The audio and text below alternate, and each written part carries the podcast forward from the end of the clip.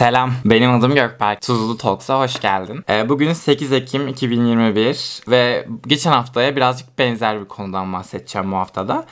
Nasıl harekete geçerim? Bugün bundan konuşacağız. Şimdi şöyle, bazen motive olmak gerçekten çok zor oluyor. Yani bir şey yapman gerekiyor ama o şeyi yapabilmek, yataktan kalkabilmek çok zor oluyor. Bu genellikle kök çakra ile alakalı. Yani şu an çoğunuz bazılarınız şey yapıyor böyle. Falan yapıyor ama evet kök çakra ile alakalı maalesef bu. Bazen böyle yataktan kalkmak, bir şey yapmak istemiyorum. Mesela saat 10'da uyanıyorum.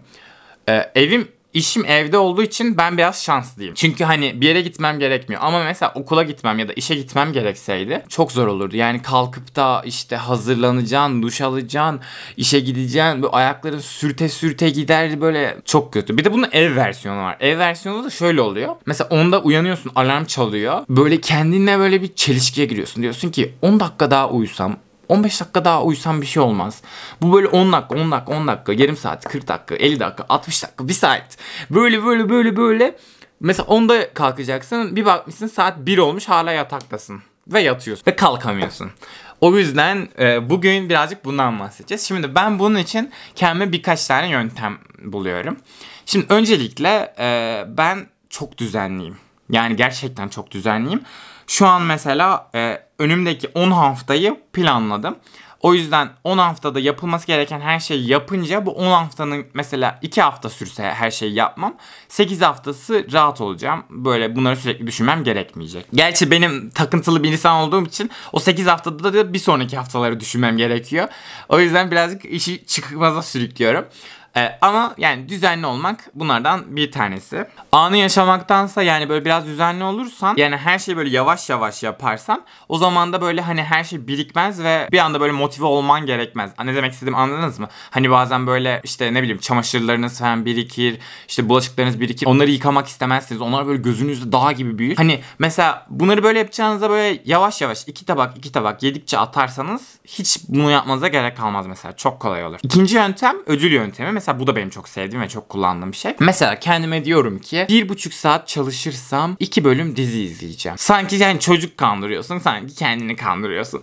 Hani böyle ama gerçekten işe yarıyor. Yani mesela diyorum ki bunu bunu bunu bunu yaparsam bunu hak edeceğim. İşte mesela bir hafta diyet yaparsam işte bir haftanın sonunda hamburger yiyeceğim. Kendime bu sözü veriyorum mesela. Anlatabiliyor muyum nasıl olduğunu? Yani bu da mesela aşırı işe yarıyor. Ödül yöntemi gerçekten çok işe yarıyor. Özellikle çocuğunuz varsa yani şu an beni dinleyen bir anne olduğunu düşünmüyorum ama eğer bir anne varsa mesela çocuklarınıza bunu kullanabilirsiniz. Gerçekten mükemmel bir yöntem. Çocukken bana hep bunu yapıyorlardı. Allah kahretsin size. Neyse. Hep benim hep beni kandırdınız. Hep duygularımla oynadınız.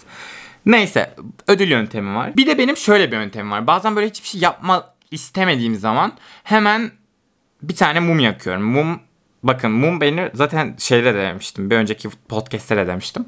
Mum beni böyle aşırı böyle gaza getiriyor. Böyle hani şey gibi hissediyorum. Ya şimdi ateş yakıyorsunuz ya mum yaktığınızda.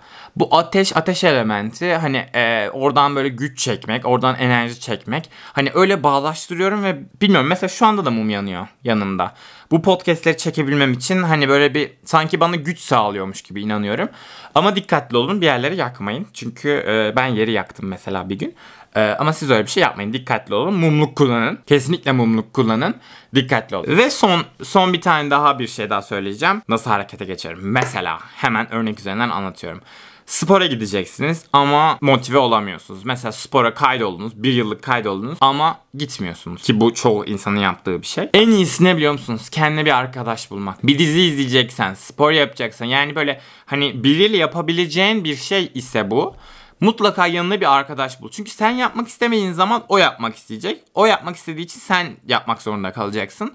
O yapmak istemediğinde sen yapmak isteyeceksin. Yani birbirinizi gaza getireceksiniz. Mesela sporda bu bana çok oluyor. Mesela Murat'la birlikte spora gidiyoruz. Murat sürekli spora gidiyor. Ee, o gittiği için hani ben kendim böyle şey gibi hissediyorum. O gidiyor benim de gitmem lazım gibi hissediyorum. Ya da mesela sporda şey oluyor. Murat 30 kilo kaldırıyor o 30 kilo kaldırıyorsa benim de 30 kilo kaldırmam gerekiyor oluyor. Tabii ben kaldıramıyorum. E, ama yani hani o gazı getirme, o seni böyle harekete geçirme duygusu, o hırs seni harekete geçiriyor yani kesinlikle ya. Bu, bu bence en etkilisi. Arkadaş gerçekten çok etkili. Mesela dizi izlerken falan da öyle. Ben böyle uzun süre böyle bir şeyler izleyemiyordum. Şimdi böyle bir arkadaşım var Emirhan diye. Sürekli onunla böyle dizi izliyoruz her gün. Mutlaka bir bölüm izlemeye çalışıyoruz. Şey oluyor mesela izlemesem sanki o izlemek istiyormuş gibi oluyor. O yüzden o diziyi izliyoruz yani her gün anladın mı? Ya ben istiyorum ya o istiyor.